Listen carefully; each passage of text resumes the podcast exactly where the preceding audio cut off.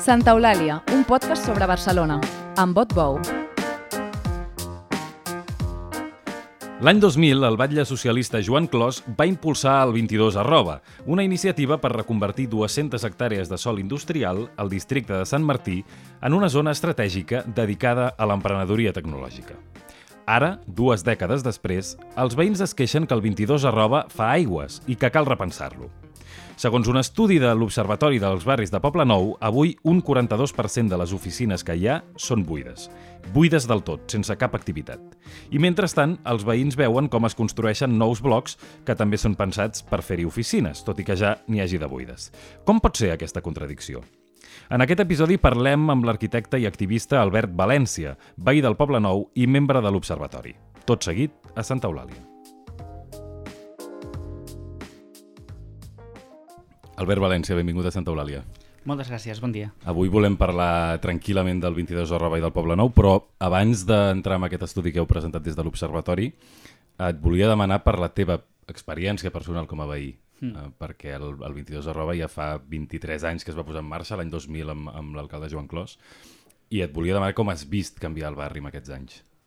Clar, jo sóc eh, veí del barri de Gran Via amb Selva de Mar, que no és del tot el centre del Poble Nou, cosa que a vegades quan parles amb persones del centre de Poble Nou, nosaltres som com els de l'extraradi del barri, però clar, sempre he vist el 22 arroba desenvolupant-se davant de casa meva um, i he vist com han desapareixent les naus industrials i convertint-se en oficines.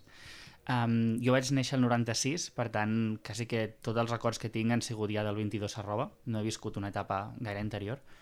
Um, I la veritat és que em vaig començar a implicar amb el moviment, diguéssim, en contra del 22 arroba o per reformar el 22 arroba cap al 2017 o així. Jo era estudiant d'arquitectura i em vaig començar a involucrar perquè, primer per un interès com molt personal de, ostres, aquí sembla que hi ha tema i això m'interessa, Eh, però a poc a poc, quan vaig anar descobrint el que era el planejament urbanístic del 22 arroba, em va fer com canviar una miqueta el, la mentalitat i la forma de veure el món, una mica. De fet, jo vaig començar arquitectura volent viure algun dia en un dels eh, lofts àtics de, del Diagonal Mar i sempre, a més, anava metòdicament vigilant el preu cada 3 mesos, valia 2.300.000. Per una ara... mena de fascinació de, de somni sí, americà. exacte. I ara quan val? I jo, ara val 4.500.000, una cosa així i, mm, i sempre el meu somni de quan arribi als 30 vull viure allà. Bueno, aquest tipus de, exacte, somni americà. Però anat, um, aquest, somni, aquest somni americà s'ha anat perdent s'ha anat, uh... totalment, i ha sigut a través de l'activisme i, de, i de descobrir el que és el 22 arroba al barri, més que res perquè mm, que sí, vaig des... diguéssim, venia des d'una fascinació una mica del 22 arroba, una mica infantil o des de l'institut, on fins i tot feien formacions a l'institut d'emprenedoria, anem a veure el 22 arroba, empren a nivell de tecnologia, vull dir, també ens venien una mica això des de l'institut. Sí, eh? us, I, us feien sí, una mena de, de doctrina fa, geogràfica. Encara es fa. D'ensenyar sí, sí. coses de tecnologia, sí, coses... Sí, el meu germà petit té 13 anys eh, i em deia que fa un parell de mesos o així van anar a fer una ruta pel 22 arroba on els explicaven les bondats del pla. I a banda de, i a banda de rutes, què fèieu a classe? Sigui, relacionat amb això? Ens explicaven sobre emprenedoria, sobre el tipus d'empreses tecnològiques... Era una miqueta una visió romàntica de cap a on hauríem d'anar. Que sàpiga, ningú dels meus companys s'ha acabat per aquest camí, però sí que hi havia una miqueta aquest rerefons. Vull dir que també cala no només a nivell de paisatge urbà, sinó també a nivell de mentalitat. I com deia, ja dic, el descobrir una miqueta a través del planejament i de, al final, com a resum molt ràpid, el 22 arroba, que és un pla que enderroca tot un barri, millor o pitjor i que, i que té moltes mancances i que s'ha de realment modificar però enderroca tot un barri per fer un districte d'oficines. Llavors, quan vaig descobrir amb 19 anys la magnitud del problema, eh, va ser com, ostres, vull dir, és molt gros, s'ha fet una petita part i encara tenim marge com per canviar el, el que és l'urbanisme del barri. I això realment va fer com un clic mental, ara ja no vull viure en, cap, en cap àtic de luxe de Diagonal Mar. Però a banda d'entendre, diguem-ne, exactament el que passava a través d'estudiar arquitectura o de, de mm. barrejar-te amb l'activisme veïnal, a, a, en la fesomia del barri, en l'aparença del barri, el, aquest canvi el vas anar veient? A, la teva consciència també va anar creixent per això? Sí, completament. Diguéssim que hi ha, hi ha hagut com... Almenys jo he vist a nivell de vivència personal com dues situacions. Una la que jo tenia davant de casa a Provences del Poble Nou, on de cop o sigui, tot eren naus industrials i es convertia en un gran solar Eh, pensa que Provençal del Poble Nou és un barri de Barcelona on el 50% del sol són naus o solars buits eh, que pertanyen únicament a 10 propietaris, que són fons d'inversió. I per tant de cop vaig veure el, el meu barri una mica convertit en un gran desert que encara en part segueix sent així.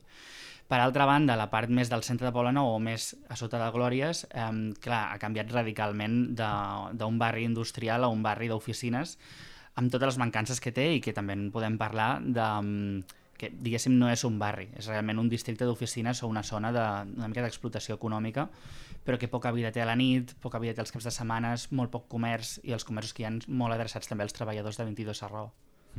I quan abans parlaves d'aquesta diferència que els del centre del Poble Nou, diguem-ne, del, sí, no sé com dir-ne, el centre sí, sí. històric o del, del, de la part més antiga del barri eh, que us veuen a vosaltres com l'extraradi, quina, d'on ve aquest, aquest prejudici o aquesta mirada? Ve de que vosaltres esteu més pròxims a les zones que estan més buides? Ve de... Amb què més es concreta aquesta mirada? És un diferent? tema completament territorial del centre de Poble Nou té una miqueta, recorda més el que és un barri com podria ser, jo què sé, bueno, Gràcia mm, rest in peace, però vull dir, altres barris, com més barri amb molt d'habitatge, amb comerç, llavors hi havia com aquest centre històric que és una mica com l'Aldea Gala, mentre que després hi ha totes les zones que rodegen el centre de Poble Nou, que són àrees industrials, i després hi ha tota aquesta perifèria també habitada, que és la Gran Via, el Besòs, eh, tot el que és el front marítim i la zona més de marina ja quasi creuant marina. I totes aquestes zones sempre han quedat com molt físicament distants del centre de Poble Nou i molt desconnectades també.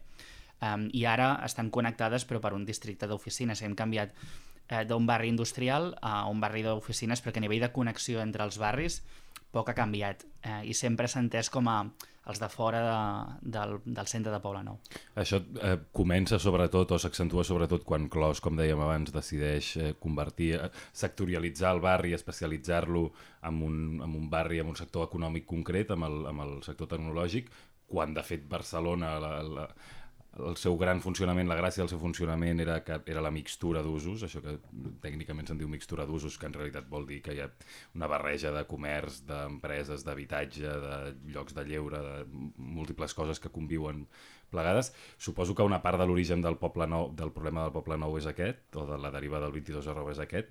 Per tant, no sé, quan parles amb, no sé si la teva família és d'allà, però què diuen del, del barri que ells coneixien abans o del, del districte que ells coneixien abans?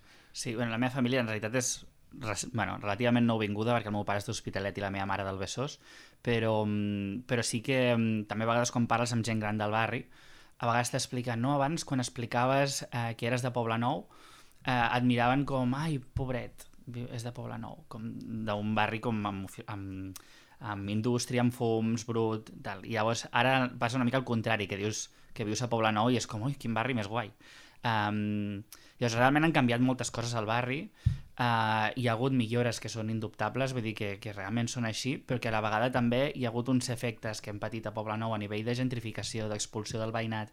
Tota la meva generació ara mateix ja no es, per, no es pot permetre viure a Poble Nou. Jo m'he pogut quedar per situacions també familiars, però sí, quasi que si no tens una herència o no tens una família que t'ha pogut deixar un pis, no pots quedar-te al barri.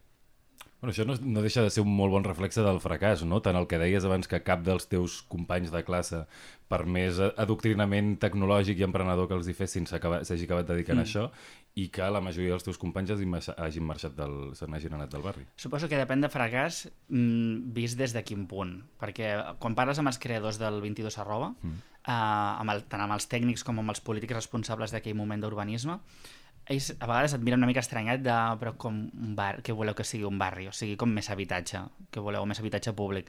Nosaltres, com vam crear el 22 arroba, el que volíem era màxim número de metres quadrats d'oficines, i ja està. Llavors, en realitat, bueno, aquest també en podem parlar més, però um, l'objectiu del 22 arroba, més enllà de l'objectiu polític de les noves tecnologies o de les empreses que arriben eh, i de generació d'ocupació, l'objectiu subjacent en tot això és la generació de plusvàlua eh, econòmica amb el sol. És a dir, el moment en què tu transformes un sol industrial en sol d'oficines, ja no cal construir. Simplement, el moment en què l'expectativa sobre aquell sol és de poder construir molt més, el preu es multiplica i de fet ha sigut una mica el pelotazo que molta gent va fer eh, quan es va aprovar el 22 arroba. Si tu tenies, fet a vegades una estimació, eh, comprar una illa de l'Eixample al voltant de l'any 2000, illa de l'Eixample, perdoneu, de Poble Nou, és a dir, industrial, eh, comprar-la costava uns 4 milions d'euros. um, el moment en què tu presentaves un pla a l'Ajuntament dient aquí concretaré el pla del 22 arroba, en aquesta illa passava de valdre 4 milions a 17 milions. Què volia dir concretaré el pla del 22 Sí, arroba? l'Ajuntament et donava la normativa marc del 22 arroba, és a dir, una mica les regles del joc, però llavors en cada illa els propietaris eh, s'havien de posar d'acord o ser el mateix propietari arribar al 60% de la illa a nivell de propietat. Llavors, quan arribava a aquest punt, podíem presentar un pla a l'Ajuntament dient de la normativa marc del 22 arroba, jo a la meva illa ho concretaré d'aquesta forma. Um, I l'Ajuntament ho aprova de facto, normalment, aquesta, norma, aquesta concreció, és a dir, mai posa pas a les rodes o no aprova un pla, generalment. Però aquesta concreció volia sí. dir instal·lació d'oficines o Sí, exacte, concrets? és transformació d'una illa industrial, és a dir, tu en el pla el que determines és quins edificis d'oficines faràs, on els faràs, quants metres quadrats tenen i que compleixes amb la normativa general del 22 arroba. També en aquest pla el que dius és quin sol cediràs a l'Ajuntament, perquè has de cedir una part del sol per fer zones verdes, equipaments i habitatge, molt poc en comparació amb tota la illa, però s'ha de cedir una part, uns impostos que s'han de pagar i també marques uns terminis d'execució d'aquests projectes. Molts d'aquests projectes que es van aprovar no van arribar a fer cap d'aquestes tres coses. No van pagar els impostos a l'Ajuntament, no van reparcelar, eh, i per tant tampoc no van cedir sol a l'Ajuntament, ni han acabat en els terminis pactats en aquesta normativa. Però en tot cas el que estava explicant era que eh, quan un conjunt de propietaris d'una illa es posaven d'acord per materialitzar el 22 arroba en la seva illa, presentaven un pla a l'Ajuntament, aquest l'aprovava, i simplement pel canvi d'expectativa sobre el sol, el preu es multiplica d'aquella illa. Físicament la illa és la mateixa, és a dir, poden, pot seguir sent indu una indústria o solars, però automàticament en el moment en què es transforma un sol a 22 arroba passa, en aquell moment passava de 4 milions a 17, a 17. Però el gran negoci aquí no és només aquesta plusvàlua de transformació del sol, sinó és el que han fet molts fons d'inversió que és um, comprar sol i esperar.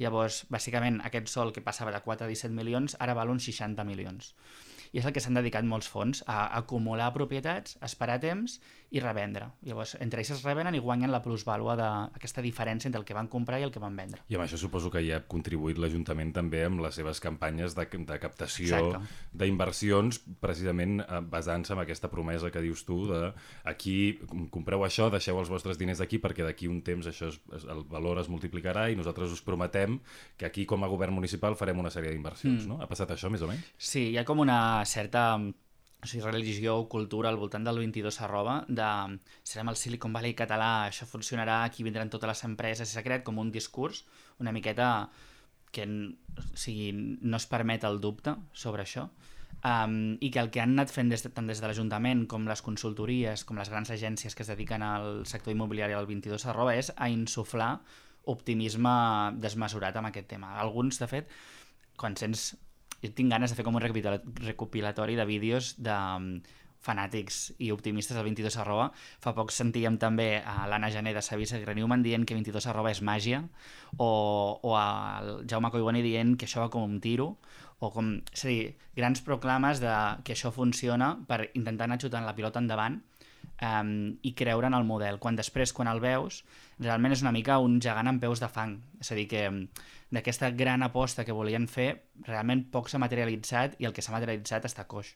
Parlem de, de ara sí, d'aquest estudi que, que era el, el motiu de convocar-te. L'Observatori de Barris del Poble Nou veu treure un estudi que deia que el 43% de les oficines eh, que hi ha al, al districte són buides. Exactament com, com comencem pel començament. Com veu fer aquest informe, eh, com veu es, esbrinar les dades i quines són les conclusions principals? Sí, nosaltres hi ha com una pregunta que sempre hem anat seguint i que ens fan... Nosaltres fem moltes rutes amb les veïnes del barri i sempre quan expliquem 22 arroba i que es fan moltes oficines ens deien... Hi havia com la gran pregunta de per què estan quedant tantes oficines buides que ho veiem moltes veïnes cada dia al barri i se n'estan construint encara més. O aquesta pregunta nosaltres responíem com podíem, però també anàvem seguint el que eren els informes que feien les grans agències també d'immobiliàries per entendre una mica com estava a nivell de desocupació al 22 arroba. De fet, des de ja fa temps um, que ja ho veiem i anunciàvem que estava quedant una gran part buit, però les dades no semblaven reflexar això.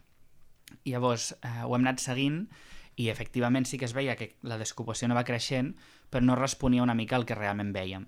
I això ens va portar a fer nosaltres mateixos aquest estudi, que de fet l'hem fet amb informació totalment pública i, i traçable, que és Um, per una banda, um, agafar els anuncis de les grans agències immobiliàries que són Cushman Wakefield, Savisa Guerra Newman, JLL i CBRE, que són les més grans, veure tots els anuncis que tenen, comparar-los entre ells per veure eh, quins anuncis són els mateixos i a partir d'aquí recopilar tot el que és l'oferta d'oficines que hi ha al 22 arroba. I per altra el que hem calculat és la superfície que actualment està construïda d'oficines um, amb el cadastre. I llavors, en base a això hem pogut calcular al final el que està buit en base al que actualment s'està ofertant de 22 arroba i hem descobert eh, efectivament que el 42-43% de metres quadrats d'oficines al barri està buit. Ah, t'anava a dir això, quan parlem d'oficines buides parlem de, de blocs sencers, parlem de, ho mesureu en metres quadrats, parlem d'edificis en què hi ha pisos que sí que estan operatius i pisos que no ho estan. Quin, el, el més comú què és? Jo diria que hi ha com unes tres situacions. Una són edificis sencers que acaben de sortir al mercat. Acaben de sortir, em refereixo als últims 5 anys, no fa 5 mesos. Mm. Um, I que han quedat buits sencers i que no s'han llogat. D'aquests n'hi uns quants, eh, i bastant grossos i notoris. Uh, després hi ha edificis um, que ja funcionaven des de fa temps però que a poc a poc s'han anat buidant després de la pandèmia i no han aconseguit tornar-los a omplir. I per últim hi ha els coworkings també, que um, també el que hem vist és que eh, alguns d'aquests propietaris, davant de tenir els edificis d'oficines buits, el que han optat és per convertir-ho a coworking i intentar omplir amb el que puguin. És una miqueta amb les rampoines de, doncs, de gent que almenys ho llogui el que es pugui i treure alguna de rendibilitat. I d'aquests coworkings el que hem vist també és una, una situació de un munt de coworkings buits, molt buits, Um, òbviament hi ha alguna d'ocupació, però no gaire, i fins i tot estem veient que el sector dels coworkings està tenint problemes uh, no només aquí, sinó arreu. De fet, WeWork, que era com una gran empresa que havia fins i tot arribat a sortir a borsa, uh, actualment està pràcticament en bancarrota, ho van anunciar a l'agost, um, i que per tant una miqueta també aquest sector del coworking no, no és tan optimista com es pensava. Per tant, no hi ha aquestes tres circumstàncies. Com funcionen aquests, aquests coworkings? Sí, els coworkings una mica hi ha diferents models, eh? però és, són espais d'oficines que els contractes a demanda. És a dir, no és un contracte de lloguer llarg d'oficina, sinó que l'utilitzes durant el temps que necessites. I hi ha coworkings molt flexibles que són de doncs, l'utilitzo avui i mai més, o altres en què sí que ho agafes durant un temps una miqueta més ampli. Um, de, el que hem vist també a les pàgines de, de les grans immobiliàries és que anuncien els coworkings que tenen com a oferta igualment per grans empreses perquè ho contractin directament. O sigui, el que vol dir això és que alguns edificis temporalment s'han convertit a coworking, però el que voldrien és fer el negoci de tota la vida, de llogar a una gran empresa. Clar. Hem, Savills, que ara en parlaves, no sé si es pronuncia mai Savills bueno, o Savills, o, així, perquè com que, com que sí. fan aquesta barreja, però um, Savills deia que criticava que el, que el vostre estudi inflava les xifres i ells en feien un altre que deia que és que són el 23% de metres quadrats o el 23% d'oficines el que és, eh, està buit en realitat. Sabeu quina és la, la diferència amb el, amb el mesurador? Clar, igual que les nostres dades, acabo d'explicar una mica com es treuen i és bastant senzill, ho pot fer qualsevol persona, les dades de Sabís són molt menys um, traçables o en els seus informes no expliquen del tot d'on surt la informació. Per tant, també és més difícil saber exactament per què tenen aquest 23%. El que sí que he vist és que segurament la principal diferència és com contem els coworkings eh, dins del 22 arroba. Perquè pel que sembla ells ho compten completament buit, ai, perdona, res, compten els coworkings com a plens i nosaltres l'estem comptant com a buits o amb un grau bastant alt de buidor. Ah, perquè vosaltres feu més èmfasi en el tema de la provisionalitat, per exemple. Sí, clar, és que al final nosaltres relativament no hem entrat a, a cada cas de cada oficina, tot i que hem fet un mapa i hem, sí, sí que hem entrat a veure cadascun dels casos perquè ens agrada saber el nostre barri, el nostre territori, però les dades en cru en realitat venen de l'oferta directament immobiliària. Um, per tant, ens hem basat en això, en el que estan oferint. Per tant, si estan oferint un edifici sencer uh, com a coworking, nosaltres el contem també com a buit. Bé, en tot cas, mm. tant el 23%, que és la xifra de Sevills, com el, el vostre 42%, realment són xifres d'alçada, són xifres Sí, les dues mostren igualment que hi ha una situació preocupant d'oficines buides. També s'ha de dir que, si jo que he anat seguint els informes de Sevills els últims anys, cada cop anaves veient com s'anava multiplicant pràcticament per dos la, les oficines buides i seguien dient tot va bé, mm, 22 hores perfecte, aquí no passa res.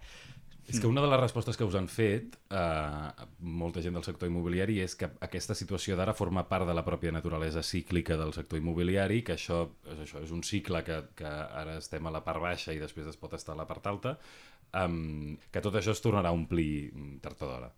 Què hi Bueno. responeu amb això? torna a sonar una altra vegada tot anirà bé, una miqueta confiar sense realment unes dades darrere. Um, clar, no sabem realment el que passarà els propers 4 o 5 anys. Um, el que sí que sabem és que portem 23 anys de 22 arroba um, construint-se, que portem un 31% fet i que queda un milió i mig de metres quadrats per construir més d'oficines. I que amb el que tenim ara ja anem, ja anem pràcticament la meitat buit. Per tant, a nosaltres no ens preocupen eh, aquests 4 o 5 anys que venen i que potser s'omplen o potser no, sinó els propers eh, 10, 20 o 30 anys, eh, no només de 22 arroba, sinó del nostre barri i de tota l'afectació que té també el 22 arroba.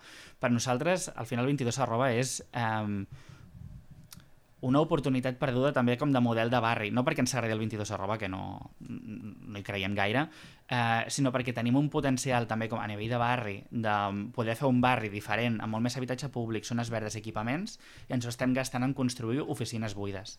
Llavors, el que volem és reconduir aquesta situació. Tenim xifres exactes d'aquesta desproporció entre eh, oficines plenes, buides, sigui com sigui, però oficines amb habitatge públic i habitatge privat i eixos verds i tot això? No les tinc aquí, les tenim. Uh, el que sí que puc parlar és a nivell de model del 22 arroba i Sí. de quines proporcions tenia. El 22 arroba de l'any 2000 el que proposava era un 90% d'oficines i un 10% d'habitatge protegit. Um, que això a més generava una densitat d'habitatge baixíssima. És a dir, la densitat d'habitatge a l'Eixample, per exemple, és de 180 habitatges per hectàrea. A Poblenou Centre són uns 100 habitatges per hectàrea, que, dir que dona aquesta sensació una mica més de barri viscut. Al 22 arroba estem al voltant dels 40 habitatges per hectàrea, que seria semblant al, a un barri jardí d'Estats Units de cases baixes. O sigui, realment és molt poc dens i que no permet generar comerç eh, o també aquesta vida veïnal. Eh, per tant, aquest era el 22 arroba de l'any 2000. Per altra banda, el, en el, es va fer una modificació normativa del 22 arroba, eh, en la qual s'augmentava eh, l'habitatge un 30% i un 70% d'oficines. Mm -hmm. El problema d'aquesta modificació és que només afecta un 17% del sol de 22 arroba. És a dir, ja no està en un tema de proporció entre oficines i habitatge, que òbviament ens preocupa, sinó quin és el territori o l'àmbit en què s'aplica. I el que es va acabar aprovant en la modificació normativa del 22 arroba, que es va acabar aprovant al febrer del 2022, era eh, que 22 arroba segueixi sent el de sempre en gran part del territori i que només en un 17% del sol canvien les normes del joc i s'hi faci més habitatge. I això qui- quin, quin percentatge d'habitatge representava sobre el total del, del Poble Nou? Clar, mm, pensa que Poblenou, com a vegades diem imperial, que seria de Marina, Prim i Sota Gran Via, eh, té al voltant d'uns 38.000 habitatges. El que es preveia el 22 arroba de l'any 2000 era construir-ne 4.000. Um, amb la modificació del 22 arroba, no t'ho sé dir exactament, però l'horitzó estava al voltant dels 10.000 um, habitatges.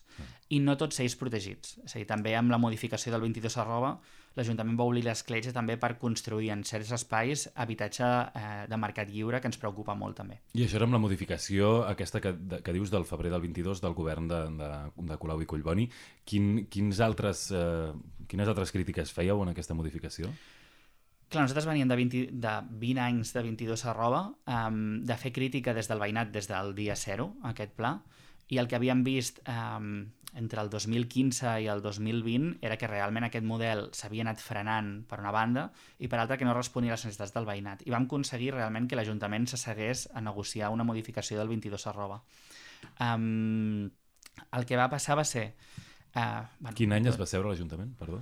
pues, al voltant del 18-19 en començàvem a parlar i es va fer un procés participatiu al Repensem 22 arroba que preguntava als veïns en general què és el que volien, que va sortir menys oficines, menys, menys hotels, més habitatge protegit, zones verdes i equipaments i protegir també el teixit existent um, de naus petites uh, i habitatges uh, uh, de cases baixes um, a la vegada també protegir el que és el, la petita economia de tallers eh, que encara existeix a Poble Nou. Això és el que sortia del procés participatiu. Això a l'Ajuntament no li va acabar d'agradar el resultat, perquè no responia al, al model 22 arroba, i es va crear un procés paral·lel, que va ser la comissió ampliada del 22 arroba, on es convidava per una banda els veïns, que estàvem nosaltres, i l'associació de veïns de Poble Nou i la FAB, i per altra banda estava el lobby empresarial del 22 arroba network, estaven les universitats que portaven a més catedràtics una mica triats a dit de qui anava i tots ells defensors del model 22 arroba, Uh, I per altra, tècnics de l'Ajuntament d'Urbanisme, que si mai has tingut la sort de parlar amb algun d'ells és ui, tot, això és molt difícil, ui, això no. Um, com que tot és molt complicat a nivell de canviar la normativa. Per tant, aquí estàvem en minoria, també.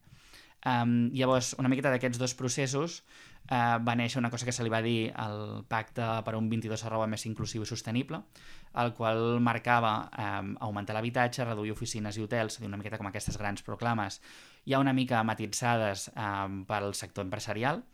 Nosaltres en aquell moment ho vam firmar de forma crítica, aquest pacte, um, perquè també se'ns va dir si no firmeu no seguim parlant de modificació del 22 arroba, llavors vam haver de passar per aquí. Um, I finalment es va fer la modificació d'aquesta normativa, que tenia virtuts com, per exemple, desafectar 1.200 habitatges que portaven uh, 23 anys afectats pel 22 arroba, mm. que era gent que vivia allà i en qualsevol moment ens podien fer fora, um, i també desafectava petits tallers, um, augmentava, com deia, l'habitatge en una part del barri, tot i que molt petita, um, i que, per tant, algunes coses aconseguia. Per altra, com deia, preservava el model 22 Clar. arroba de districte d'oficines. El, el, el gran retret era que no plantejava un canvi estructural. No era un canvi estructural, era un matís per algunes àrees que encara no s'havien transformat, però la resta és eh, el negoci de sempre de 22 arroba. I ara teniu esperança que, que, que tard o d'hora, sigui per la pressió veïnal, sigui per la raó que sigui aquest canvi estructural es pugui acabar produint? Bueno, és una pregunta difícil i incòmoda també, perquè Clar, vam tenir una oportunitat realment de modificar el 22 arroba. A més, una de les coses que ens fan una mica de ràbia a, a les veïnes és que nosaltres vam trobar una mica l'escletxa per poder aconseguir una modificació més àmplia del 22 arroba. Com deia abans, aquests propietaris que havien transformat el sol a 22 arroba però que no havien fet, um, no havien cedit el sol, no havien pagat impostos, no havien executat en els temps acordats, tots aquests propietaris que estaven al voltant d'entre un 30 i un 40% del territori de 22 arroba, el que nosaltres dèiem és, tots, tots aquests propietaris se'ls hi pot canviar la normativa també, i en comptes de que aquests faci el 22 arroba de sempre, que es passin a una nova normativa. L'Ajuntament ens deia, no, no, això és impossible perquè aquesta gent té uns, té uns drets adquirits. Nosaltres vam repetir això durant tota la negociació. I com vam arribar a l'últim dia de la negociació, ens van dir, d'acord, aquests propietaris els canviarem a una nova normativa. Um, el problema és que de les 30 IES de l'Eixample que estaven en aquesta situació, només en queden 3. Perquè durant tota la negociació que es va allargar durant anys, tots aquests propietaris es van olorar que realment canviarà normativa i potser es podien veure afectats i van acabar de fer els deures de pagar impostos, cedir sol. Um, acabar la construcció no, però, però sí realment van acabar de materialitzar els deures pendents que tenien. Uh, per tant, amb això en realitat hem perdut doncs, vora, no sé, potser 3.000 mm, o 4.000 habitatges públics. Um, jo no vull creure que hi ha mala fe dins l'Ajuntament i que algú es va xivar, però, jolín, hem perdut una gran oportunitat amb això de que 22 arroba no es modifiqués només en un 17% del sol, sinó d'una forma molt més àmplia i que els veïns realment ho notéssim en el teixit del barri. En quina situació estem ara? Ara hi ha una normativa que s'ha modificat fa res, Um, cal esperar 3 anys perquè hi hagi una modificació de MPGM, eh, de, de pla general, que afecti a la mateixa àrea, per tant hem d'esperar també una mica. Mhm. -huh. Potser també és temps per poder-ho anar preparant uh, i poder-ho tenir preparat per el moment en què es pugui aprovar. Uh, però per altre, realment tenim poques escletxes uh, en les que ficar-nos sense realment potser tocar drets dels propietaris o realment una afectació molt més grossa. El que sí que estem veient és que el lobby empresarial ja està anunciant, o sigui, a mi m'ha sorprès que el, el lobby del 22 arroba eh, jo pensava que sortiria directament a rebatre les dades, aquí no passa res, tot, tot va bé. I us ha, us ha sorprès que a han estat A mi m'ha sorprès molt que han sortit centènues, però no només això, sinó dient, vale, vale, modifiquem el 22 arroba perquè les oficines buides es converteixin en habitatge privat. M'ha sorprès molt que sortin directament així. I a, què ho atribuïu? Quin interès creieu que tenen? Per mi és claríssim. O sigui, en un moment en què s'està desinflant també el 22 arroba, aprofitar aquests metres quadrats d'oficines per fer habitatge que té un valor molt superior a nivell immobiliari. Um, I per nosaltres creiem que és super perillós, perquè tenim un habitatge de lloguer molt tensionat a Poble Nou i de cop el que estem dient és fer molt més habitatge privat i tot el que hem vist d'habitatge privat que s'ha fet al barri ha sigut tot de luxe. Per tant, encara podria tensionar molt més el mercat de lloguer. Mm -hmm. És a dir, diguem-ne que a curt termini us plantegeu dues lluites o dos fronts eh, diferents. Un és que d'aquí 3 anys, amb aquesta nova modificació del PGM, diguem-ne, sumar forces per aconseguir aquesta reconversió que dèieu del 22 arroba, i l'altre és evitar que en aquest moment de crisi i d'oficines buides, aquest habitatge eh, que, que, que els fons han vist que, que poden tenir una finestra d'oportunitat per convertir en habitatge privat, es converteixi en habitatge privat i lluitar perquè es converteixi en habitatge públic. Si Segurament, encara no ho hem decidit. La, la qüestió és que, que nosaltres vam llançar aquest informe una mica de forma innocent, no pensàvem que tindria l'impacte que ha tingut, um, però amb, amb l'objectiu sobretot de mostrar l'obsolescència del model del 22 arroba i que és un model que no funciona. Ha tingut tanta volada que també ara el que estem plantejant col·lectivament i reunint-nos també amb, amb diferents agents al barri a nivell veïnal és què fem ara amb això i a, realment a on anem.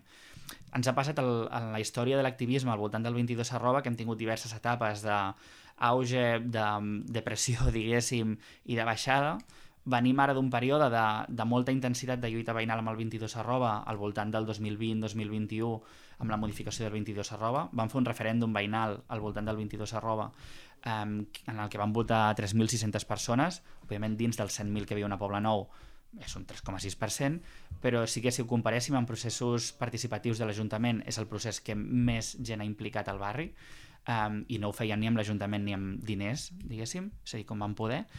Uh, venim d'aquest cicle de mobilització, una miqueta era començar com aquesta depressió d'acabàvem d'esgotar aquest període i una miqueta ens acabem de trobar en què torna una altra vegada a augmentar aquest interès pel 22 arroba i ens hem de ficar una mica les piles Molt bé. això. Doncs quan, quan hàgiu uh, aclarit, sí. diguem l'estratègia, quan l'hàgiu repensada, tard o d'hora tornarem a parlar. Albert València, moltes gràcies. Per moltes gràcies.